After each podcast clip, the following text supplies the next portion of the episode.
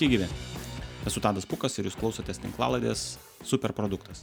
Tinklaladė skirta susipažinti su vairiais skaitmeninių sprendimų kuriejais ir ne tik skaitmeninių sprendimų, e, nes tikiu, kad svarbu semtis patirties iš įvairių industrijų, tiek skaitmeninių, tiek neskaitmeninių, suderinti gerasias praktikas ir patirtis. Šioje laidoje kalbinsiu įvairius produktistus, žmonės dirbančius su produktais, dizainerius, programuotojus, dalinsimės patirtim, išvalgomis apie sėkmingą, o kartais ir nesėkmingą produktų a, kūrimo procesą. Pirmoje laidoje kalbinsiu Dmitrij Radin iš R21 įmonės, kuri kūrė sprendimus žemės ūkiui ir maisto industrijai. Tad gero klausimo. Sveiki, šiandien kalbėsimės su Dmitrijum Radin, kuris dirba R21 įmoniai, atsakingas už produktų, inovacijų kūrimą. Ačiū pirmiausia, kad sutikai prisijungti prie, prie šitos tinklalaidės. Tai pakalbėsim tikrai apie R21 ir kuo jūs ten užsiemat, bet pradėti norėčiau galbūt nuo apskritai tavo bendros tokios patirties, dirbant su produktais, kuriant produktus vienokius ar kitokius. Tai tiesiog e, labai įdomu, iš, iš kur atsirado va mintis pradėti va tokią specifinę veiklą kaip produktų valdymas. Ne? Tai jeigu taip trumpai tokią savo biografiją galbūt e, kokius norėtum akcentu, dalykus paakcentuoti. Tai visur, man tadai, ačiū, kad pakvietei. E, smagu e, gauti progą pasidalinti patirtim. Tai e, tą ir padarysiu. Iš esmės pradėjau savo tą tokią galbūt vadybinę karjerą, nepabijokim to žodžio, nuo to momento, kai savaime kažkaip tai klostėsi. Tai kažkokius darėme žinai, prisiminiau, iš tikrųjų, pirmas turbūt toks rimtesnis uh, potyris uh, būtent tos produkto ownerio donos buvo, kai pabandėme suorganizuoti pirmą bass festivalį Lietuvoje. Tai jis vyko ten, kur dabar yra pramogų bankas, tada ten dar buvo tiesiog toks jau merdintis pastatas. Ir mes atsivežėm Black Sun Empire atlikėją, tai buvo toks wow dalykas. Ir tai buvo turbūt pirma patirtis, kai aš supratau, jog reikia, norint pasiekti tikslo, reikia padaryti taip, kad daugybė atskirų e, komandų arba žmonių susitartų, suprastų, kas ką daro ir galiausiai visi deliverintų darbą, na, padarytų tai, kas iš jų yra tikimas. Ir jeigu visi tai padarys, tai tuomet mes pasieksime bendrą tikslą, kuris bus visiems kažkaip malonus, naudingas arba panašiai. Aišku, tam buvo daug e, prisilusių blynų, tačiau atsilimpimai buvo neblogi. E, blynai buvo prisvilę mums. Tai remiantis šitą patirtim, aš e, pradėjau ją ir toliau vystyti ir dirbau ilgą laiką e, Omnija, dar tais laikais, kai buvo Omnitel. Buvau atsakingas ten už labai e, svarbių klientų lojalumą ir man teko dirbti prie skirtingų projektų, tam renginių kažkokių, galbūt marketinginių kompanijų, visokiausių akcijų, kaip nežinau, ten e, pirmųjų smartfonų įvedimas į rinką per, per labai svarbius žmonės. Ir visą tai irgi gavosi, kad e, leido suprasti, ant kiek e, yra įdomu sujungti visiškai skirtingas kompetencijas turinčius žmonės ir jų pagalba sukurti kažkokį rezultatą. Tai va turbūt ta tokia pradinė patirtis buvo labiau producerinė ir vat, jau ją vėliau aš perkeliau į produkto kūrimą. Va čia labai tas įdomus, tai ką, ką dar teko produsuoti ir gal tada pradžia apie tai ir įdomu vat, palyginti tada tas produsavimas, ne, nes toks labiau liktais kūrybinis man iš karto atrodo darbas versus produktisto darbas, kuris toks labiau vis tiek struktūriškas, liktais daugiau ten visokių dalykų yra. Nu, čia yra labai, e, toks, sakyčiau, idėjinis, e, nu, kaip pažiūrėsi, nes uh, jeigu šiais laikais mes turime labai daug programinės įrangos kuriejų, visokiausių programuotojų. Programinės, sudėtingos programinės įrangos kūrimas, mano manimu, tai yra labai kūrybinis darbas. Tai yra, tu turi spręsti e, iššūkius, kur, kurių prieš tai dar na, vargu ar žinojai ir taip e, ir surasti tinkamą būdą optimalių resursų kainą. Tai lygiai taip pat yra su atlikėjais kai tu ateini ir sakai, padarykime kažkokį filmą. Ir yra žinoma tik tai kažkokia vizija, kiekvienas iš jų liktis žino savo sritį, žino, kaip veikia kamera arba ten kaip veikia grimas, bet e, pavyzdžiui, ten pirmą kartą daro, e, na pavyzdžiui, 4K e, filmavimą daro. Ir tada iškyla klausimas, palaukit, tai o kaip tada tai perkelti viską į kažkokį montažinį kompą ir kaip užtikrinti, kad po to kino teatrai tai parodytų. Tai išeina, kad visi tie žmonės yra tiesiog specialistai savo srityje. Ir tuomet produsas yra, vėlgi yra du produsai, yra vykdantysis ir yra e, bendras produsas. Tai bendras jis atsakingas ten, vat, būtent už PR, lėšų pritraukimą ir panašiai. O vykdantysis yra pats tikriausias uh, projektų vadovas arba pro, uh, produkt owneris, nes jis turi paskirstyti lėšas, sujungti skirtingus resursus, prižiūrėti visą procesą ir galiausiai užtikrinti, kad rezultatas būtų toks, kokio visi tikisi. Tai mano akimi žiūrint, tai yra nekas kitas kaip produkt owneris. Uh, tik tai kito, kitos įti. O klausai, ką teko daryti, tai e, labai skirtingus, iš tikrųjų, matai, kai dirbau Omnyje, aš darydavau, aš buvau užsakovas visokiausių sudėtingų projektų. Ir kai e, man tai biškiai galbūt pabodo, aš perėjau į kitą pusę ir tapau samdomų vykdančiojų producerių kino ir renginių rinkai. Ir esu prisidėjęs prie tokių projektų, kaip Kaip mes žaidėme revoliuciją, toks mockumentary filmas, kuris atskleidžia, kaip antis grupė su, uh, sužlugdė Sovietų sąjungą. Tuomet uh, esu daręs nemažai renginių, pavyzdžiui, 2009 metų Europos kultūros sostinė, kai buvo, tai e, vyko tam Ledinis barokas, buvo toks projektas, iš ledo daug pastatyta visokiausių skulptūrų. Mano toks asmeninis turbūt labai pasiekimas, kuris man patinka, tai buvo Gedimino pilies uždengimas trimis Baltijos vėliavomis. Tai yra tiesiog, kai visa pilis užsidengia kaip, kaip tokių kaip dėklų. Tai visur tai buvo visiškai naujas iššūkis, kurio iki šiol neturėjau kažkaip patirties, reikėjo surinkti tinkamą komandą, sudėlioti timeline ir tai įgyvendinti. O vat, man įdomus tas tavo vat, mintis apie tai, kad tai yra ir produsavimas, ir produktisto darbas yra nu, kūrybinis, taip teisingai. Ir toj kūryboje dažnai yra tos nežinomosios įvairios situacijos, ne? Vat, kaip vienoje ar kitoje situacijoje pačiam tenka tvarkyti su tais nežinomaisiais, sakykime. Nes, nu, jie dažnai, ne, žmo, žmogui kaip ir faina, kai yra viskas, nu, aišku, taip ta komforto zona. Ir dažnai, vat, susidurėm su tais visokiais neapibriešais dalykais, ar būtų techniniai, ar kažkokie tai labai funkciniai ir panašiai. Kaip, kaip pačiam, vat, gal kažkokios yra pamokos, į, į ką atkreipti dėmesį, arba tiesiog asmeninė patirtis, kaip tvarkaisi su tais nežinomaisiais norėčiau žingsnį atgal biškai grįžti ir pasakyti tokį dalyką, kad e, produktistų arba producerių darbas yra mažiau kūrybinis. Iš tikrųjų, tai e, viskas yra išrasta, ganto lentelės yra senai žinomas ir e, yra daug metodologijų visokiausių. Kūrybinis darbas yra kitų žmonių. Tai yra e, produsas ir produkt owneris dažniausiai jis, na, kodėl jie yra vienodi, nes jie dirba su kūrybiniais žmonėmis o jų bendras darbas yra labai, nu, mano manimu, žiūrint, tai yra šiek tiek kaip auklės. tai tu turi suprasti, kur tau reikia grupę darželio nuvesti. Kiekviena grupė turi savo ypatumų, nu, tiesiog kiekvienas vaikas toje grupėje turi savo ypatumų, bet kartu visi yra labai e, faini. Ir tu turi sugalvoti keliuką, kaip pasiekti tikslą ir kad tas tikslas e, būtų visiems aiškus, gal nebūtinai aiškus, galbūt kažkas tiesiog eis laikydamasis už virvutės ir tai padaryti. Tai vad šitoje vietoje aš sakyčiau, kad čia panašu tom, kad tu turi uh, labai gerai girdėti ir jausti žmonės, su kuriais tu dirbi. Tai čia yra labai e, svarbi produkt ownerio turbūt, e, kaip čia, funkcija, parametras. Jis turi būti e, girdintis. Tai yra, jis turi žinoti, ką sugeba jo komanda, ką išmano jo komanda ir kokiu, na, tasme, žinoti visą resursų ir žinių bagažą kuris šiuo metu jam yra prieinamas. Antras dalykas, kuris yra, jis turi, mat, turi turėti bendrą viziją. Tai ir, ir vienu, ir kitu atveju tu neturi nusileisti iki mikromanagemento ir tu, tu, tu, tu turi suprasti, kas yra tavo bendras tikslas, kurį tu, tu, tu nori pasiekti. Uh, ir turbūt trečias svarbus dalykas tai yra tai, kad, na, nu, vat, jau kol pirmus du sakiau, tai pamiršau, bet uh, trečias dalykas yra tai, kad tu turėtum uh, nors ir pasitikėti savo komandą, bet tuo pačiu tu turėtum labai aiškiai suprasti, ką jie daro.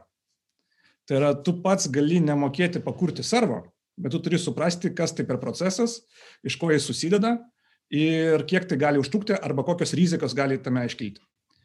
Kitaip tariant, tu esi valdymo pulto operatorius. Labai geras tavo tas akcentas apie tos minkštuosius, minkštasias kompetencijas, ne tas žmonių klausimas. O tada klausimas, kas yra svarbiau, nu, ar galima taip atsakyti, tai yra kažkokie hard, kietosios kompetencijos, ne projekto, sakykime, produkto valdymas, ne pilna metodikų, kaip sakai, yra. Tai ar, ar šitas turėtų imti viršų, ar, ar tie minkštieji dalykai, įsiklausimas į komandą, išgirdimas, kaip subalansuoti tada, ar yra kažkoks atsakymas? Šventai tikiu, kad nėra vieno sprendimo ir viskas priklauso nuo projekto. Jeigu tu dirbi dideliai kompanijoje, kur projektai yra štampuojami vienas po kito, tai spėčiau, kad turbūt svarbiau yra turėti gerus skilsus projekto valdyme. Jeigu tu esi orientuotas į tikslo siekimą arba vienkartinį projekto įgyveninimą, e, turbūt same. Svarbu yra pasiekti tikslą, nežiūrint į resursų ilgą amžiškumą. Jeigu tu esi startupas, arba jeigu jūs esat pradedant, e, pradedantysis verslas, turbūt svarbiau yra uh, išlaikyti savo komandos dėgymą kaip įmanoma ilgiau ir ne apsiskaičiuoti, uh, darant kažkokius vat, na, klaidas būtent bendravime. Kaip pavyzdys, ten gali pasitikėti žmogum, nepertikrinti, tada paaiškės, kad terminas vėluoja ir nu, tavo vis, visi kaštai išauga ir tu tiesiog esi neįvykdas projektų. Uh, Supratau, o tada vat, grįžtant prie klaidų, tu sakė, ne, buvo ten ir produsavimo, ar yra kažkokių dalykų, kurie tokie yra įstrigę, sakykime, ne, vat, kas, kas galbūt suformavo, ne, vat, tavo kaip produk, produktisto, vat, tą visą pasaulyje žiūrą, nes dažnai būna taip, kad kažkokie pirmi dalykai nutinkantis, pradžiai galbūt jie atrodo baisiai, ne, kažkokios klaidos padarytos vėliau retrospektyviai žiūrint, gal nieko čia to baisaus buvo, nu, kaip dažnai būna, ne, pažiūrint, nieko čia baisaus. A, tai, vat, kokios tos galėjo būti klaidos, kurios vat, tave pamokė, sakykime, ne? Jo, tai e, turėjau tikrai įdomių patirčių visokiausių gyvenime. E, ir viena iš jų, turbūt, kuri mane dabar jau e, veda į sėkmę, tai yra tai, kad e, net produkt owneris nėra e, žmogus orkestras, kuris turi mokėti viską ir daryti už visus viską. E, jis yra žmogus, kuris koordinuoja, kuris prižiūri, kuris nukreipia. Jeigu uh, kažkas neįvyksta ir tu gali pakavarint, na, dėl bendros uh, sėkmės, gerai. Tai yra, uh, galbūt uh, one for the team nėra klaida, bet tu neturi tai daryti pastoviai. Tai čia yra labai svarbu, kad tu ne, nevertintum projekto savo jėgų sąskaitą. O Kitas dalykas, kuris yra labai svarbus, tai yra svarbu įsivertinti, kiek uh, tu pats gali, na, kaip ir kiekvienas tavo komandos narys, patemti. Tai reiškia, jeigu uh, tu sugebi įvertinti, kiek gali padaryti tavo, nežinau, programuotojas per savaitę, tu lygiai taip pat turėtum įvertinti, kiek sugebėsi padaryti tu.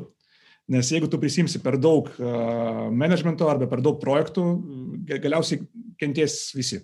Taip, nu, svarbu tikriausiai produkt manageriui netapti bottlenecku, taip, e, e, aišku, lietuviškai čia reikėtų tikriausiai tos žodžius įvardinti, tam prasme, ne, e, bet dar, bet čia kitas, kitas dalykas, galbūt kaip reisim prie produktų, ne kad lietuvių versus anglų. Bet visiškai pritariu, kad produktistas jisai turėtų būti toks deleguojantis, labai įdomi tema, ta prasme, kaip subalansuoti, aišku, tos dalykus. Galbūt galim perėti tada iš tikrųjų prie R21 tos dalies, ne? Tai e, gal gali tada papasakot, ką veikiat, kiek aš žinau, žemės ūkis, e, pro, e, maisto sektorius, bet tiesiog tada vat, galbūt plačiau, ne? Kokie produktai, kokios inovacijos yra, ką veikia R21? R21 tai yra bendrovė, arba tiksliau taip, mes mėgstam save vadinti privačia tyrimų ir inovacijų agentūra. Tai yra ne, ne valstybinė įstaiga, bet privataus kapitalo kompanija, kuri e, e, investuoja savo resursus ir žinias, e, siekiant pagerinti kažkokius procesus, sukurti nauj, naujus sprendimus, naujas technologijas ir jas įdėkti rinkai. Dažniausiai tai yra mūsų fokusas iš esmės, arba kur mes koncentruojamės, tai yra sritys būtent žemės ūkis ir, ir maisto pramonė. Ir mūsų komandoje yra mokslininkai skirtingų sričių, yra programuotojai ir e, yra e, nemažai konsultantų, tai yra skirtingų sričių specialistų, nes e, norint padaryti gerą sprendimą, tu tiesiog privalai bent biškis, na, net ne biškis, gerai suprasti sritį, į kurią tu lendi. kitaip tu gali labai prastai apsigauti. Tai vat, pas mus yra, reiškia, toks core, na, brandolys, tai yra mūsų komandoje dirbantis duomenų analizės ir skirtingų sričių mokslininkai. Tuomet jos palaiko programuotojai, kurie padeda jiems sukurti jų idėjas paversti į, į, į įrankius. Ir tuomet yra dar išorės tinklas, tai yra visokiausi partneriai, klientai, patarėjai, kurie e, suteikia mums žinias, kurių galbūt kartais reikia. E, be to, e, mes turime ganėtinai mažą, bet stiprų timą, tai yra komanda vadybinė, na, arba rinkodarinė, tai yra mūsų vadovas Augustas Rešinas, yra, aš prisidedu prie to ir, ir dar keletas žmonių, kurie sugeba užmėgsti ryšį ir gauti būtent rinkos poreikį. Tai reiškia, mes išgirstame, ko reikia, pavyzdžiui, ūkininkui, tuomet mes išsianalizuojame, kas šiuo metu yra iš naujausių technologijų įmanoma ir ieškome būdo, kaip tai e, pritaikyti. Tai reiškia, galbūt kažkas yra išbandęs kur nors Australijoje pritaikyti, kaip pavyzdys, hiperspektrinį e, kamerą tam, kad e, nuskaityti augalų fiziologiją. Mes tuomet įsigiliname į mokslinius darbus, surandame galimus rezultatus ir konversijas šitos technologijos ir tuomet kartu jau su savo mokslininkais bandome adaptuoti šitą technologiją mūsų poreikiui ir ten, e, mūsų augal, augalams, mūsų kažkokiems ūkininkų prašymams ir panašiai. Ar galėtum papasakot apie, apie problemas, sakykime, žemės ūkio, Vat, nu, tie žmonės, kurie, vat, aš nesusidūrė su žemės ūkio, a, kokios problemos, va, taip, a, kiek žinau, žemės ūkis yra viena iš mažiausiai skaitmenizuotų industrijų. Ten, ne, jeigu tai, vat, kodėl, čia toks vienas klausimas, o kitas dalykas, tai kokios tos problemos yra bendrai paėmus, e, kurios kamuoja žemės ūkio, nežinau, vat, ūkininkus, ne plačiai, plačiai prasme. Jeigu žiūrėti istoriškai, tai žemės ūkis turbūt yra mažiausiai skaitmenizuotas dėl dviejų priežasčių. Visų pirma, e, šitoj srity viskas e, vyksta. Tai yra, kai tu pasėjai lauką kažkokios kultūros, tai jeigu tu ją blogai prižiūrėsi, jį vis vien išauks greičiausiai, tik tai bus blogesnis derlius iki tam tikro laiko šito derliaus pakakdavo, iš esmės užtekdavo visiems ir, ir nebuvo kažkas labai aiškios problemos. Uh, todėl kaip ir tokios skaitmenizacijos labai kaip ir nereikėjo. Kitas dalykas tai yra uh, tai, kad žemės ūkis yra labai e, imlus laikui. Tai reiškia, tu uh, būdamas tam pardavėjų, tu, tu, tu, tu nupirki, perpardodi, gauni pelną. Būdamas ūkininku, tu, turi, tu investuoji pusę metų mažiausiai tam, kad gauti kažkokią gražą čia geriausiu atveju. Ir išeina, kad bent jau istoriškai taip susiklostė, kad didžioji dalis žemės ūkio yra šeimų verslas. Tai yra žinios perdodamos iš kartos į kartą ir iki turbūt sovietmečio nelabai netgi buvo paplytę tokie dalykai kaip ten uh, verslai, žemės ūkio verslai. Uh, uh, tai vad, ir todėl irgi, na, kai tėvas pamokė kažką daryti, tai tu išeini ir darai taip, kaip jis mokė, tai tau net minčių nekyla kažką keisti. E, puikus įrodymas to yra e, tokia puikia knyga, vadinasi Lietuvio kodas.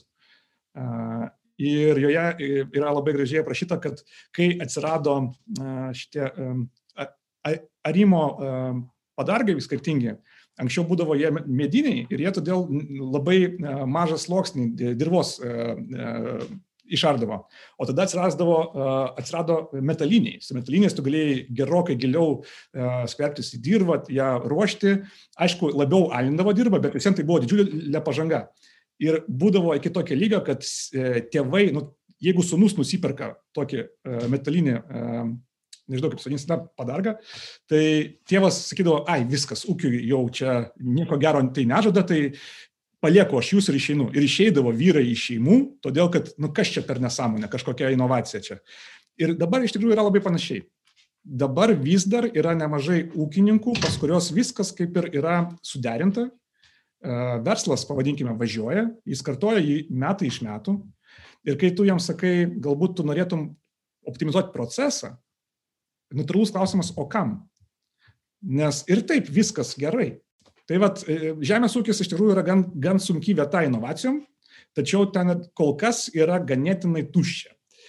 Tai jeigu turite minčių, sakyčiau, eikit į žemės ūkį, kurkime inovacijas kartu.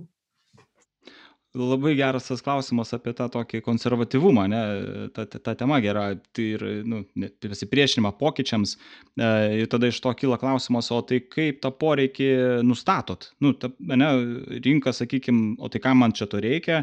Ir dabar viską pradėt siūlyti iš eilės kaip ir neracionalu. Tai vad kaip, kaip tas poreikis, minėjote, yra žmonės, komanda, e, kuri tą poreikį susirenka, bet e, kokie tie metodai, kaip jūs pavaliduojat, sakykime, vieną ar kitą problemą, e, kad ją verta spręsti ir išsprendus bus mokančių klientų, bus rinkos pakankamai ir panašiai.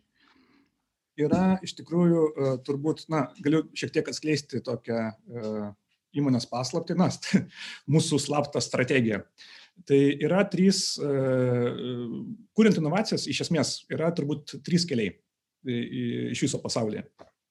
Pirmas kelias yra labai paprastas, tu e, pažiūri, ką daro kiti, jeigu pas tave kieme to dar nedaro, tu gali tai padaryti.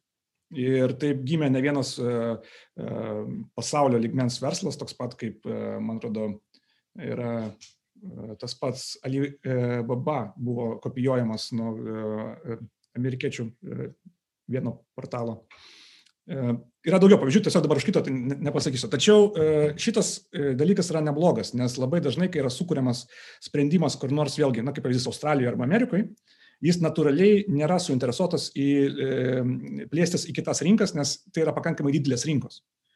Ir nukopijuoti jų atrastas nu, kaip šis pasakyti, skausmus arba poreikį ir, ir tai spręsti yra gerai visiems, nes tuomet tu uh, sukuri inovaciją, kuri ten, na, turi poreikį, o to pačiu, uh, na, tau tai yra gerai, nes tai yra sėkmingas uh, projektas. Tai pirmas dalykas yra žiūrėti, kad, kas vyksta rinkoje, žiūrėti, kokios yra tendencijos ir uh, žiūrėti, ar tai yra pritaikoma uh, mūsų regionui.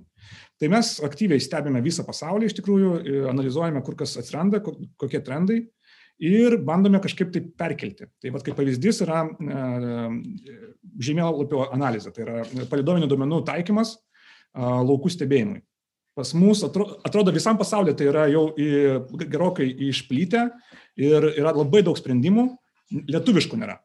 Yra vos keli pabandymai tai padaryti ir dėja, bet Lietuvoje tokio jau pilnai veikiančio nėra. Tai mes realiai įdėgiam pirmą kartą turbūt žemėlapį savo sistemoje prieš porą mėnesių Ir matome, kad žmonės pradėjo domėtis. Ir kas buvo labai įdomu, kad uh, toks dalykas kaip NDVI, tai yra uh, azoto uh, lygio indeksas uh, augaluose. Pasirodo visiems puikiai žinomas dalykas pasaulyje. Kai Lietuvoje parodėme, kad žiūrėkite, jūs galite ir pas mus tinklą apie tai daryti, daugeliu buvo atradimas. Tai yra ūkininkai tiesiog sako, okei, okay, gerai, o tai kas tai yra? Tai, tai mums teko straipsnį parašyti, paaiškinantį, kaip jis yra skaičiuojamas ir kam jis yra skirtas. Nu, vat, iki tokio lygio, tai tu turi edukuoti vartotoją. Uh, kitas kelias, kuris yra, tai yra uh, nuolatinis bendravimas su, su, su, su savo galutiniais uh, vartotojais. Tai yra bandymas su jais kalbėtis, aiškintis, kas jiems nesiseka, galbūt bandymas išgirsti, kas kainuoja labai daug pastangų, laiko, lėšų ir išgirdus tinkamus raktažodžius bandyti tai optimizuoti. Tai va tas bendravimas, jis nuolat vyksta, mes organizuojame lauko dienas, darydami projektus, važinėjame šiaip susitikti su, su ūkininkais, pabendrauti, kaip sekėsi ten kažkoks procesas. Ir uh, kars nuo karto tai duoda uh, labai neblogą rezultatą. Na, o trečias kelias e, tai yra domėtis visa e, Europos ir Lietuvos e, politika, nes tai diktuoja pokyčius, kurie turi įvykti privalomai. Kaip pavyzdys, artimiausių metų, kadangi Lietuva, kaip ir visa Europa, sieks, siekia žalio, žalios skripties arba žalio kurso, tai bus stipriai mažinamas trašų ir pesticidų naudojimas tuomet mums natūraliai įsigilinus į šitą klausimą iškyla mintis, o tai kaip ūkininkams e, tuomet išlaikyti savo e, efektyvumą, jeigu jie galės naudoti mažiau medžiagų. Ir panašu, kad e, tiesiog mes padarėm apklausą skirtingų agronomų ir ūkininkų ir jie patvirtino, kad yra labai dažnai nėra žinoma, ar verta naudoti medžiagą, bet ją naudoja iš įpročio. Na tai yra tiesiog, kadangi tokia yra praktika, geroji praktika, reikia naudoti. Padarėme tyrimą, paaiškėjo, kad iš tikrųjų nereikia. iš tikrųjų, tu gali vos net dvigubai sumažinti trašų naudojimą, jeigu žinosi, kada tiksliai jų reikia. Tai vad, žingsnis po žingsnio galbūt ruošiamės kažkokiam tokiam vat, pasikeitimams, kaip čia, įstatyminiams. Ir tikimės, kad po ten kelių metų, kai tai įsigalios, mes galėsime rinkai pasiūlyti sprendimų, kuris ženkliai padės. Supratau, o ar teisingai suprantu, kad rinkose keliose esate, tai Lietuva kaip testinė kažkokia aikštelė, nes tikiu, kad nėra per didelė jinai, ne, ta prasme, ar, ar šiaip yra užtektina va, tokiem sprendimam Lietuva kaip rinka. Ir e, kitas, kita klausimo dalis, tai kokiose rinkose šiaip va, žaidžiat ir matot e, prasme būtų. Mes iš tikrųjų šiuo metu daugiausia dirbame su Lietuva.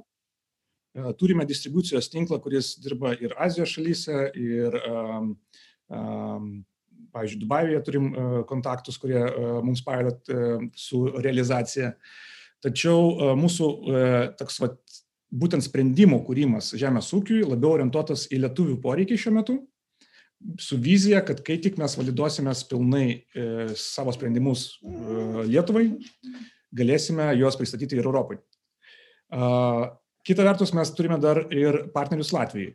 Tai reiškia, kad pas mus yra toks, na, mes, na, čia galime sakyti, kad tai yra vienas regionas, tai mes visiems e, e, žaidžiame labiau čia, savo kieme.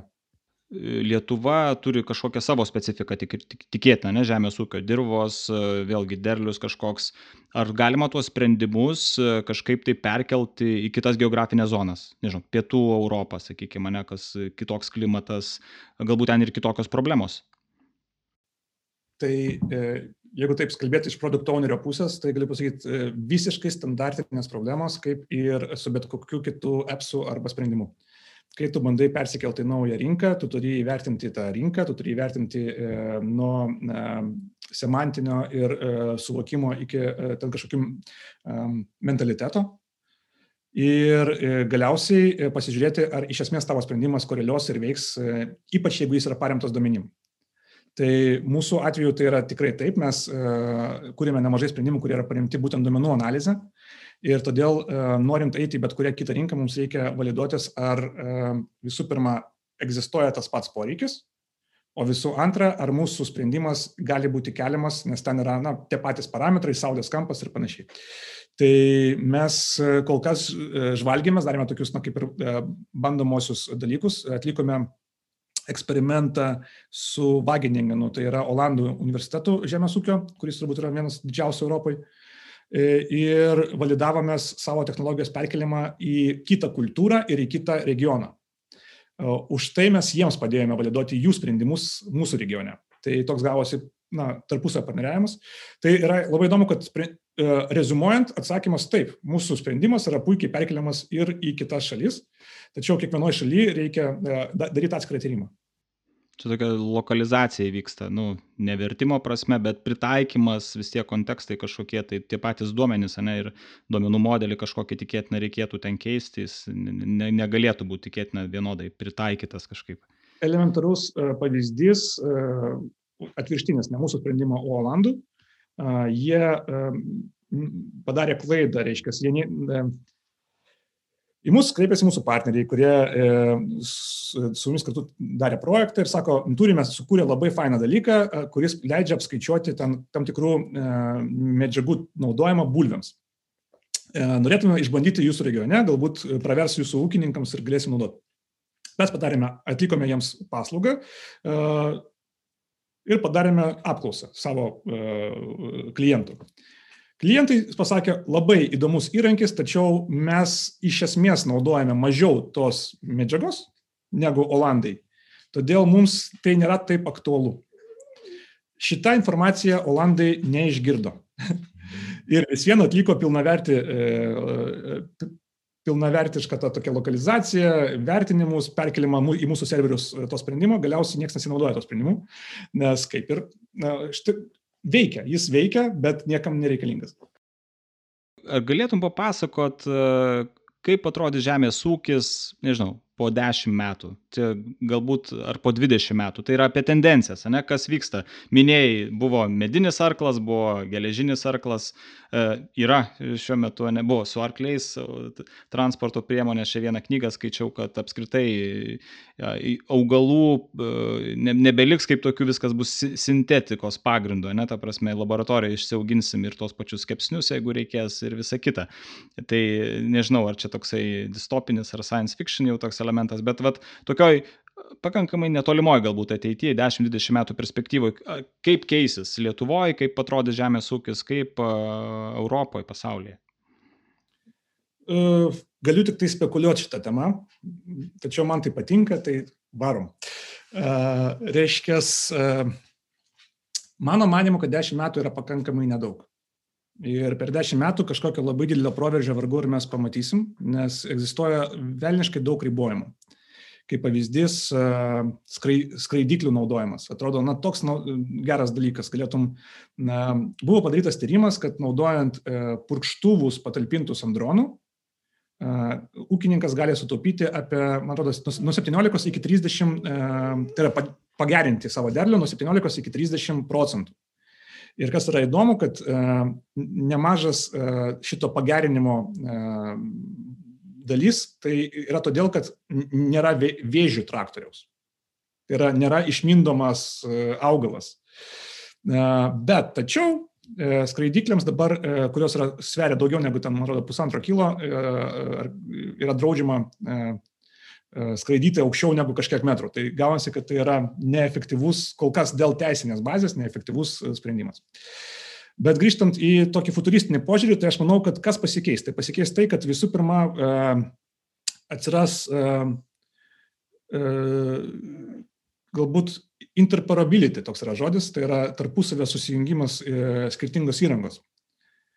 Nes šiuo metu yra didžiulė problema žemės ūkija, kad kiekvienas technikos gamintojas bando pas, e, įvesti savo standartą arba pririšti vartotoją prie savo e, sprendimų ir labai nenori dalinasi tais e, duomenimis.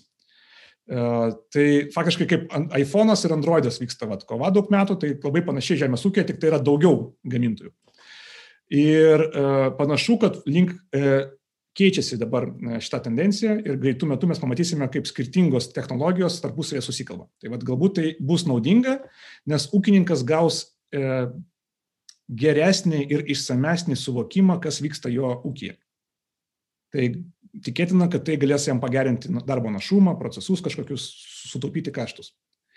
Antras dalykas, tai labai tikėtina, kad e, mes turėsime, e, matysime e, didžiulę bangą naujų probleminių lygų visokiausių ir, ir, ir, ir tokių dalykų, nes jeigu ma mažins trašų kiekį, reiškia, turės atsirasti kompensuojantis šitą kiekį e, sprendimai. Dabar jau yra nemažai visokiausių e, grybelinių sprendimų. Tai yra, yra pavyzdžiui, šaknis yra užkričiamos grybelių tam, kad geriau pasisavintų medžiagas iš dirvos na, vyksta simbiozinis procesas. Atsiprašau, turiu šunį, šuo, tyliai aš kalbu. Taip, tai, teskim, tai, e, tai aš spėju, kad jeigu atsiras visiškai nauji, iki šiol nematyti e, mytybos e, elementai, kažkokie arba būdai, tikėtina, kad tai turės įtakos bendrai gamtai ir tikėtina, kad gamta į tai sureagos. Kaip, nežinau. Dar kas tikrai, mano manimu, turėtų įvykti, tai vis dėlto migracija į augalinę e, produkciją labiau negu į gyvulininkystę. Nes toks trendas dabar e, eina, kad lygtais mes jau gebame auginti daugiau naudingų medžiagų, e, tai yra gauti daugiau naudingų medžiagų iš augalinės kilmės produktų ir mums visai sekasi jas auginti. Tai labai norisi tikėti, kad gyvulių žudysim, gyvūnų, na, gyvulių, gyvūnų žudysim mažiau. Ir turbūt kitas dalykas yra tai, kad automatizacija. Be galo įdomus dalykas e, yra tai e, šis laikotarpis. Jis parodė, ant kiek yra jautri žemės ūkio sritis sezoniniam darbui. E, visoje Europoje didėjai ūkininkai, kurie užsiema taip vadinamom brangesniem arba aukštesnės vertės kultūromis. Tai yra tomis, kurios, pavyzdžiui, na, pomidorai, agurkai, kokios nors, nežinau, slyvos, vyšnios, oboliai, persikai, visa tai, kas, kas reikalauja daugiau įdirbio ir daugiau didesnės investicijos, kad gauti, pasijuto, kad žmonės užaugino derlių ir nebuvo kam jo nuimti. Ir netgi dėl, už didesnius pinigus neatsirado darbo jėgos. Tai reiškia, kad tai yra rimta problema ir tai skatina labai uh, į, įvairias kompanijas ir startupus eiti į šitą sritį, siūlyti robotizacijos sprendimus, bandyti optimizuoti procesą. Tai labai tikėtina, kad bijodami pasikartojančio tokio dalyko, ūkininkai investuos į kažkokias sistemas ir panašiai. Tai grubiai tariant, tikiu, kad netolimoje ateityje mes iš tikrųjų turėsime konvejerinę gamybą labai įdomu. O kaip kaip pasiskirstys ta tech inovacijų technologijų svarba pagal skirtingus regionus? Nu sakykim ten olandai tikriausiai labai jau ten daug technologijų įvairių naudoja žemės ūkiui. Kaip afrika? Ar kažkoks ten nežinau kiti kažkokie regionai ten, sakykime, su ta prielaida, kad mažai yra kažkokių technologijų, ne, ir ten galėtų būti kažkoks sprogimas, ne, tai va, yra, ar yra kažkokie regionai, kuriuose ten verta investuoti labiau negu, sakykime, vakarų Europą, kur galimai ten perpildyta yra viskas? E, labai įdomu iš tikrųjų, kad e, yra, yra pasiskirstimas savotiškas. Tai pavyzdžiui, didžioji dalis Europos eina į, į tokias dvi kryptis, tai yra e, pavadinkim taip, ten sensoriai, e, sensoriai galbūt informacija, žemės e, ūkio valdymo sprendimai, tai yra na, programinė įranga, tai bando eiti į tokią, konvertuoti žemės ūkį į įmonę, pavadinkim taip. Tuomet Olandai eina į automatizaciją. Tai reiškia šiltnamiai, robotai, kažkokie labai tikslus purkštuvai, Tokie dalykai. Amerika, e, ai, ir dar e, centrinė Europa eina į food waste. E, food waste tai yra atliekų mažinimo kontrolė, nes be galo daug iš tikrųjų yra maisto išmetama. Tai viskas, kas gali taip, tam pagelbėti, tikrai dabar yra ant bangos ir labai to reikia. Amerika pasižymė, kaip ir Australija, to, kad ten yra labai dideli plotai. Tai ten reikia visai kitų sprendimų. Ten, e, o Amerikoje dar yra didžiulė problema su vandeniu, e, kai reikia, na, ten būna karšta, reikia laistyti, tai e, vandens planavimas yra labai svarbus. Tai reiškia, viskas, kas susijęs su tikslių darbų planavimu ir sėkimu atliktų veiksmų, bei, na, va, tai turbūt planavimai ir, ir, ir sėkimas. Tai yra Amerikoje top. Tada Azija, e, tokia kaip tam, na, e, tos ekono, e, ekonominio augimo stadijoje esančios rinkos tai - Indija, Malazija, Tailandas ir, ir, ir, ir lygiai taip pat kaip ir Afrika, šiuo metu visiškai susikoncentravę yra į mažosius ūkininkus. Kaip padėti mažajam ūkininkui gauti patarimą, gauti kreditą nes yra siūloma, pavyzdžiui, netgi EPSO pagalba gauti, į, nurodyti savo lauką, jį nufotkinti, tuomet įsivertinti jo galimą našumo potencialą, gauti paskolą trašoms ir ten, nežinau, siekloms. Tai ir tuomet visą tai vyksta automatiškai tavo telefono ekrane. Ir tuomet Kinija yra visiškai, kaip visada, kitas pasaulis. tai ten yra tokių įdomių projektų, kaip pavyzdžiui e, aukštos įtampos e, elektros e, įtaka, ten, nežinau, augalų apsaugai. Tai yra, pas juos yra valstybinis vienas projektas, kuris toks tam pusiau viešas, pusiau ne. Jie pastatė, man atrodo, dabar bijau apsimoti, bet ten kažkas apie 500 hektarų, man atrodo, šiltnami, tai yra milžiniškas daiktas, kuriame daro eksperimentus, e, yra iš tikrųjų va, taikoma tas elektros e, aplikavimas. Tai jie sako, kad tai padidina pomidorų produktivumą bent 30 procentų. Mes negalim patikrinti, bet tenka tikėti. Labai įdomu. tai pas juos yra jo kitoks požiūris, jie, jie varo kitaip šiek tiek.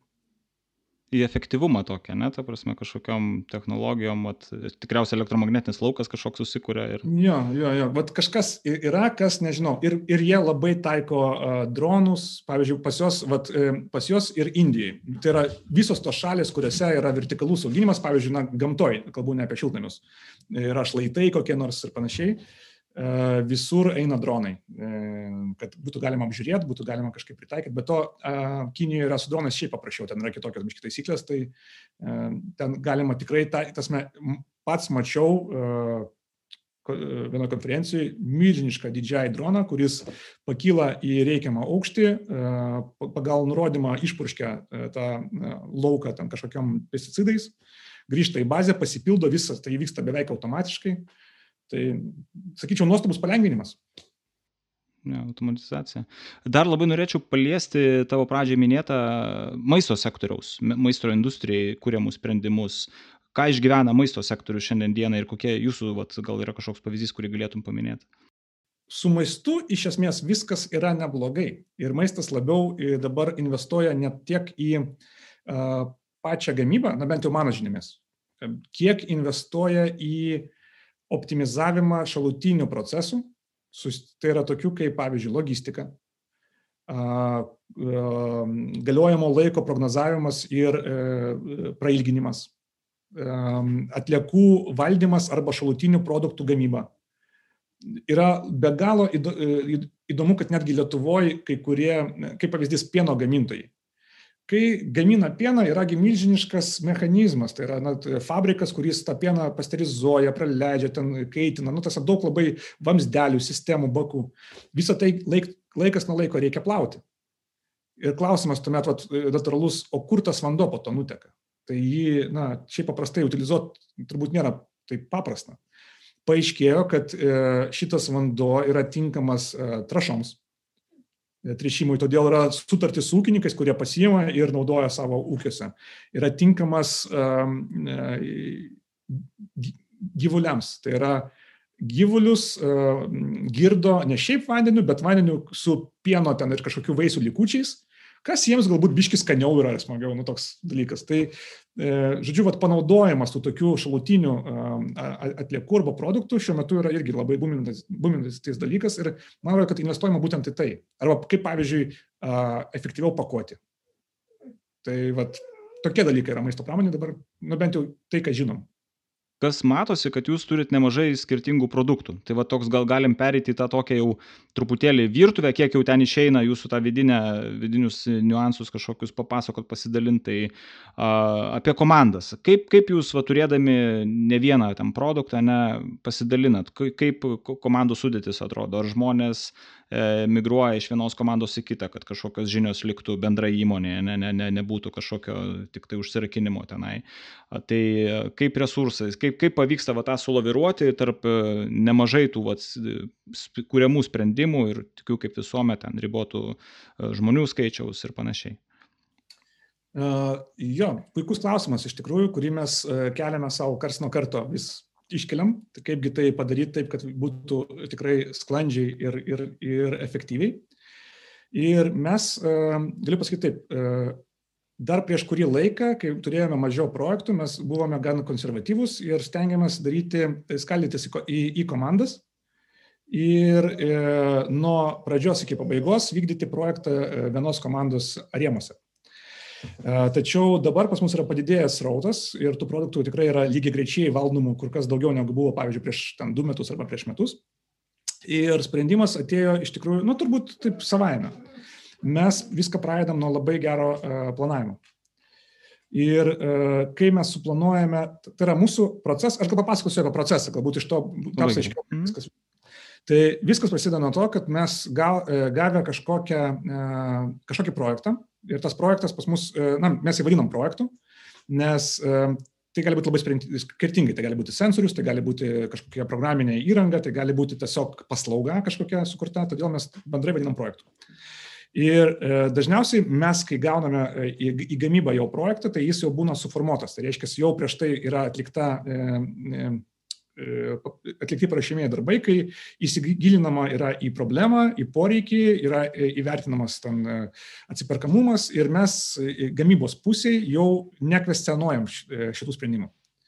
Tai gavę aprašytą projektą, mes jį detalizuojame į reikiamus deliverables. Tai dažniausiai pas mus yra vėlgi keletą tokių pasikartojančių dalykų. Tai yra sprendimas, tuomet palydinti dokumentaciją ir gali būti edukacinė medžiaga, nes gali būti, kad tai yra kažkas tokio naujo, ko dar niekas nedarė ir reikės kažkaip tai arba na, reklamuoti, arba aiškinti ir panašiai. Kiekvienam iš šitų deliverable mes uh, sustatome jį į seką, kad suprasti, kas iš ko gali išplaukti ir uh, uh, kas turi būti atlikta iki tam tikro laiko, kad įgyventi sekantį etapą. Tai čia toks turbūt sprintų uh, standartinis uh, protokolas, tik tai mes jį darome ne visai pagal agilą, tai yra ne, ne savaitėm, bet labiau pagal pasiekimus. Tai yra mes žinome, kad turim pasiekti, tada jau nusimatom laiką. Ir kadangi, kaip jau minėjau anksčiau, mes darome labai daug inovatyvių sprendimų, va čia ir atsiranda ta įdomioji dalis. Tai reiškia, kad pas mus labai daug yra komponentų, kurie yra nežinomi. Tai reiškia, mes negalime nuspėti, kiek užtruks padaryti tai, uh, naują algoritmą, įvertinti kviečių sveikatą. Nu, kaip pavyzdys. Tai ką mes darome? Mes tuomet uh, pirmą tokį brainstormą pasikviečiam skirtingų grupių. Tai yra, na, pas mus yra grupės suskirstytos pagal kompetencijas. Tai kaip pavyzdys, duomenų analitikai ir dirbtinio intelekto specialistai, tuomet inžinieriai, tuomet vadyba, agronomai, nuotolinio ir spektrometrijos kaip čia pasakyti, matavimų turbūt specialistai ir tiesiog programuotojai. Tai pirmas būna iš pradžių uh, uh, mokslinis pasitarimas. Mes susirenkam, reiškia, vadai arba priskirti žmonės iš kiekvieno departamento, uh, kuriems, aišku, na, kurie aktualūs yra šitam projektui. Ir mes aptariam visą tą skaupą, na, tą visą imti darbų ir funkcijų, kurios turi būti padarytos.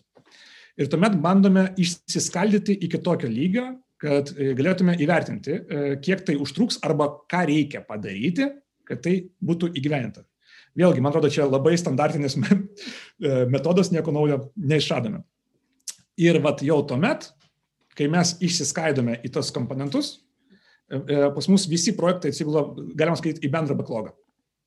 Tai reiškia, kad vienu metu mes galime vykdyti, e, kad ir ten, nežinau, 3-4 e, e, produktus, projektus ir žmonės, kurie turi kompetencijos būtent tam tikrai technologijai, gali tiesiog persijungti, pailsėti nuo savo ten dabartinio projekto, persijungti kitą, kažką jame padaryti ir vėl grįžti prie savo ten kažkokio testinio projekto.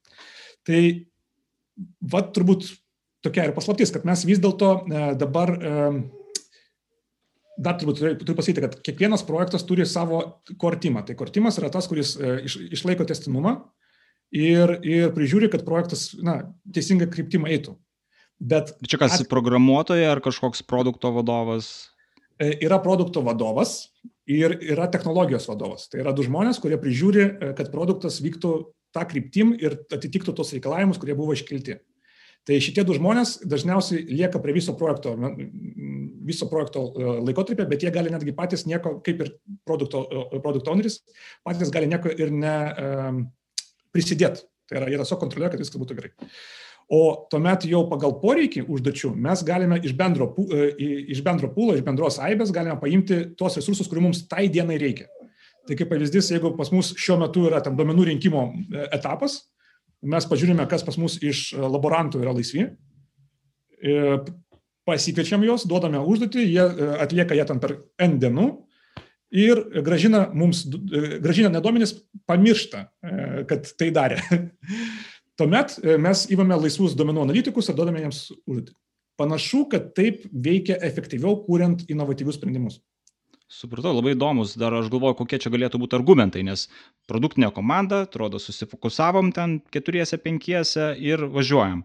Dabar ką sakai, kad yra truputėlį kitaip, yra brandolys, ne, produktistas, technologijų vadovas kažkoks, ne, ir tada jau ta cross-funkcinės kažkokios e, pareigybės prisijungia pagal e, skirting, skirtingose etapuose, pagal poreikį kokie pagrindiniai buvo argumentai, kaip išmoko šitą pamoką, ta prasme, kodėl toks būdas, o ne tas, sakykime, toks standartinis e, produktinės komandos? Išmokom skaudžiai e, per asmeninę patirtį, nes uh, ir dabar tai biškai užvarysiu ant savo komandos narių kai kurių, tai mes dirbame su mokslu. Ir skaudi tiesa yra tai, kad dirbant su mokslu yra tam tikra specifika. Mokslininkai yra unikalūs žmonės, jie yra labai imlus informacijai ir jiems yra labai įdomu daryti. Tai yra, jiems nėra svarbu padaryti, jiems yra svarbu procesas. Ir dėja, standartinis e, toks e, grupavimas e, į atskirą produkto grupę ir bendro tikslo iškelimas nesuveikia. Mes bandėme vienai, bandėme kitaip, bandėme atskirti netgi į atskirą startupą komandą, bandėme duoti kažkokius labai e, e, aiškius rėžius ir tikslus, bandėme skaidyti į, į, į iteratyviai dirbti su labai mažais kažkokiais pasiekimais. Tačiau patirtis parodė, kad netgi sprendžiant mažą mokslinę užduotį, jiems yra įdomu ir jie tiesiog užsižaidžia ir siekia tobulumo ir tuomet tu nebesugebi uh, gauti to rezultato. Na, tas, tu iš verslo pusės tiesiog investuoji į mokslinių darbų atlikimą. kai tu uh, turi bendrą pūlą, tai tas žmogus nespėja iki galo prisirišti prie tos užduoties. Tai yra, jis padaro tą darbą, kurio iš jo reikia ir jis atiduoda tau rezultatą. Ir tuomet tu, jau kaip produkt owneris arba e, tech lydas, tu gali nuspręsti, ar tai yra pakankamas rezultatas, ar tau reikia kartoti ir gerinti. Tais retais atvejais, kai reikia kažką kartoti ir gerinti, mes tiesiog tada priskiriam žmogui ilgesniam laikui ir jis turi e, galimybę pasidomėti to e, domenu, galbūt gauti kažkokių žinių ir tuomet mes jam priskiriam antrą žmogų, kuris, su kuriuo jis galėtų aptarti. Tai gaunasi, kad mes pradėjome griežčiau riboti mokslinį darbą, nes dėja universitetai nėra pelningai veikiančios organizacijos. Prioritetai čia yra labai svarbus tuo atveju, ne? nes turim atvirą beklogą, bet atrodo, imk ir padaryk, bet tai tada klausimas, kaip prioritizuojat. Vat vis tiek turit pūlą idėjų, produktų, vieni svarbesni, visi svarbus, ko gero yra vienu metu. Kaip tie prioritetai pas jūs susidėlioja? Mes pasidarome aukštam lygyje, tai yra kartą į kelis mėnesius darome bendrą projektų na, kalendorių, pavadinkim taip. Ir tuomet kartu su verslu mes atsisėdame, tai yra verslas, administracija, nu, pas mus yra tai biškas skirta, tai yra verslas, aš vadinu, tai yra tie žmonės atsakingi už rinkodarą, pinigus ir viską, kas susijęs su verslo vystimu. Tuomet administracija tai yra tie žmonės, kurie atsakingi, pavyzdžiui, jeigu projektas yra e, subsidijuojamas, tai kažkokiu ten ataskaitų pateikimu, nu, arba dokumentų tvarkymu, sąskaitų išrašymu galiausiai klientams. Ir tuomet yra uh, gamyba, tai yra visi tie žmonės, kurie uh, kūrė algoritmus, analizuoja duomenis ir, ir panašiai. Tai vat, mes sus, susirenkam iš visų šitų trijų pasaulių, pavadinkime, pas mus tai vadinasi spaces, tai yra, na, kažkokios kaip e, erdvės. Tai mes iš trijų erdvių susirenkam e, vadovaujantis žmonės ir dėliojamės ateinančių, pavyzdžiui, dviejų, trijų mėnesių grafiką. Matydami tą grafiką, tuomet visiems pasidaro aišku, verslas sako, mums reikia paleisti į rinką testavimui ten kažkokį sprendimą kitas mėnesį. Nuo to priklauso, ar mes, e, tai yra teoriškai tai yra įmanoma, bet nuo to priklauso, kiek žmonių dirbs prie to projekto. Tada mes vertinam, ar tai yra e, nežalinga kitų projektų atžvilgių. Nu ir taip toliau. Tai tiesiog vyksta bendras planavimas, atsižvelgiant iš karto į visas tris kryptis. Tai yra nepastumdomi deadline'ai, e, verslo poreikis ir gamybiniai procesai. Tai vat, visą tai sumetam ant vieno stalo ir žaidžiam tokį puzzle. Ir kaip sekasi? Uh, pagerėjo situacija, pas mus būdavo daugiau bottleneckų, tai yra, na, būdavo daugiau tų tokių e, karštų laikotarpių, bet panašu, kad dabar viskas gerėja ir vad kaip tik e, šiandien ar vakar turėjom tokį posėdį, tai susidėliojom panašu, kad gerai važiuoja, visi viskas spėja. Tiesiog atsiranda susitarimas tikriausiai ir sutarimas, ne toks bendras. Laikas eina į pabaigą, aš labai dar norėčiau pa, pa, pa, paliesti pardavimų rinkodaros tokį kampą. Vis tiek produktisto, kaip sakyti, žinioj tai dalykai, na, ne, tai, kad žinioj jis yra vis tiek vienai per kitaip už produkto sėkmę atsakingas. Kaip atrodo rinkodara žemės ūkija? Įprasti metodai veikia, nežinau, tiesiog papasakok iš savo patirties. Mano nuomonė tai yra e, toks dar net neatrastas klandaikas. Tai yra iš tikrųjų priemonės, kurios visose kitose rinkose jau yra seniausiai įdėktos, čia tik tai ateina. Ir tai yra nuo asmeninio ryšio ir lojalumo skatinimo veiksmių iki tokio dalyko kaip UX kažkokie vartotojų poreikiai. Toks įspūdis, kad iš tikrųjų susida, aš atėjau iš kitus ryčių. Aš atėjau, kaip ir sakiau, iš, iš producerinės, vėliau fintech'e dirbau su Viobu nemažai. Ir ten man būdavo aišku, kad yra svarbiausia, kad vartotojui būtų įdomu, kad vartotojas išlaikytų savo dėmesį. Ir tuomet labai svarbus istorijos testinumas, kad tu galėtum žingsnis po žingsnio atvesti vartotoją ten, kur tu tikėsi, kad jis bus. Čia yra kitaip. Čia toks įspūdis, kad visa tai yra naujovė. Iki šiol mūsų žemės ūkiui buvo siūlomas kažkoks, nežinau, plaktukai ir padargai, e, nėra to tokio elegantiškumo ir yra labai daug erdvės pasireikšti. Tai, tai čia bendrai. O rinkodara, tai kaip be būtų, turbūt akivaizdu, na, tai būtų akivaizdu, veikia per du dalykus. Tai pirmas tai yra, nu, per trys turbūt, kaina, tai yra kas pasiūlo pigiau tas ir laimi. Antras tai yra kažkokie priverstini dalykai, tai yra koks nors tiekėjas turi sprendimą arba medžiagą, kurio neturi kiti. Ir trečias asmeninis ryšys. Laimi tie, kurie sugeba atrasti laiko, nuvažiuoti, pašnekėti, parodyti dėmesį, paskambinti, paklausti, kaip sekasi. Labai svarbu žemės ūkiui, kad jie žinotų, uh, iš ko perka arba su ko bendrauja. Ir rinka nėra labai didelė. Iš tikrųjų, jeigu pas mus, aš dabar bijau sumuoti tikslų skaičių, gal ten yra 50 tūkstančių ūkininkų per visą Lietuvą, bet realiai tokių dirbančių, na bent jau e, mano akimis žiūrint, ten yra iki 10 tūkstančių. Tai kai taip pagalvoji, tai yra tikrai nedidelė rinka. Na, Lietuvos mastu, ne, bet jeigu jau pasižiūrėsi per už sienos, tada plečiasi ir tas toksai galbūt sudėtingas yra iš tikrųjų dalykas, ne, tada taip kiekvieną apvažiuoti ir ap, ap, apkalbėti, pasitart. Bet kaip mes išnekėjom, kiekvienoje šalyje yra kažkas kitko. Tačiau, kaip pavyzdys, praeitą savaitę e, vyko John Deere uh, developerių, uh, na, uh, turbūt konferencija, galima pasakyti. Visą savaitę vyko, kasdieną po kažkiek uh, valandų. Ir uh, mes su juo dalyvavę išgirdome, kaip šita milžiniška kompanija, kuri yra amerikiečiai, kurie yra, na, tas met turi tikrai pakankamą paklausą visame pasaulyje, belie kiek atstovybių, ką jie daro jų požiūris yra lygiai toks pat. E, sukurti kiekvienam regione atstovybę, kuri e, galėtų apimti visą vietinę e, rinką, susitikti su kiekvienu žmogum, su juo pakalbėti, kad būtų asmeninis ryšys. Ir jie irgi taip daro. Tai reiškia, jeigu jau toks, na, atrodo, grandas, kuris to užsima, mano, kad to reikia, tai panašu, kad to reikia. Prisiminiau, kad dar kai dirbau su renginiais, mes atidarinėjom traktorių atstovybės Lietuvoje. Tai keletą visiškai skirtingų konkuruojančių įmonių atsidarinėjo savo salonus. Tai žinokit, e, tokio dėmesio klientui ir tiek daug pinigų būtent į viešinimą ir rinkodarą, nu, aš kitose srityse nemačiau. Tai panašu, kad vis dėlto tas vat, personal touch. Labai geras prieimas, iš, iš, iš tikrųjų, jį sunku tikriausiai nukopijuoti, nes vis tiek santykiai yra pats unikaliausias dalykas. Uh, Ačiū, Dmitrijau, už pakalbė, pa, pa, pa, skirtą laiką. Aš pabaigai tokį sugalvojau žaidybinį elementą, trys klausimai. Trumpai, tiesiog neįsiplečiant. Tai pirmas yra knyga. Knyga produktistui, galbūt šiaip žmogui besidominčiam, kas šauna į galvą, vat, kas, kas tau galbūt yra palikę kažką tokio įdomaus, ką galėtum rekomenduoti.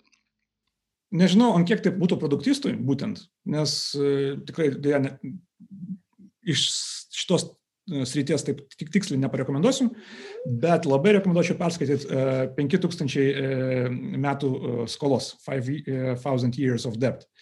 Nuostabi knyga, kuri leidžia suprasti, kas yra pinigai ir kad viskas yra paremta mūsų skolos jausmu. Tai, manau, produkt owneriui tai yra labai svarbu suprasti, kad reiškia, jeigu tu jautiesi arba tau jaučiasi skolingi, tai atsiranda asmeninis ryšys. O tai yra gerai. Įsidėsiu į savo skaitytinus e, knygų sąrašą. Antras klausimas, e, kokius įrankius kasdieną naudoji? Nu, darbui, užduočių sėkimui, panašiai, va, tiesiog. Mm, pas mus, galiu iš karto pasakyti, kad mes anksčiau netrekinam, nesiekėm darbuotojų laiko ir užduočių vykdymo laiko, nes mums užtekdavo sekti tiesiog procesą. Tai kažkokio tokio atskiro įrankio būtent tam mes niekada netaikėm. Planavimu mes naudojame e, softą, nenorėčiau atskleisti, bet mes naudojame softą e, viešai prieinamą, kuris e, skirtas multi, na, daugiau negu vieno projekto valdymui, tai toks portfolio valdymo įrankis. Ir šiaip tai, kas tikrai yra mano dienotvirkėje, nu, tas einamiausi įrankiai, tai yra užrašų knygutė, tai yra kalendorius, Tai yra Zoomas šiais laikais, nes be jo niekur. Ir e, labai labai rekomenduoju bet kokiam produktų e, owneriui, nu, pradedančiajam, daryti, e, turėti galbūt netgi dvi arba trys užrašinės. Viena turi būti skirta tiesiog projekto apimčiai, eigai, bendrai apie ką projektas, koks yra update'as, bendras statusas. Antra tai yra planavimas savaitėje arba sprintui.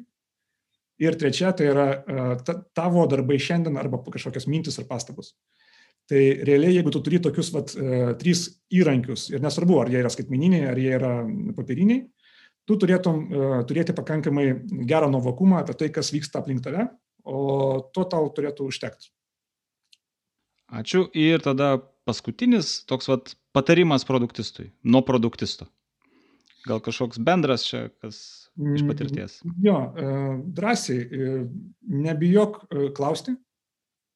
Tiesiog turbūt jo, geriausias būtų mano patarimas, nebijok klausti. Nes nesvarbu, su kuo tu bendrauji. Ar su rinka, su klientu, su savo galutiniu vartotoju, ar tu bendrauji su savo vadovais, ar su, su verslu, ar tu bendrauji su savo kolegom. Produkto owneriui yra labai svarbu žinoti, ką jis daro ir kodėl jis tai daro. Jeigu jis tai žinos, tai tuomet beliks tik tai išaiškinti kitiems. Ačiū Dmitrijau, labai buvo smagu, tikrai laikas neprailgo, e, smagu pasikalbėti, e, dar kartą ačiū ir galbūt dar kažkada susitiksim, aptarsim kokias nors kitas temas. Ačiū tau ir ačiū klausytojams.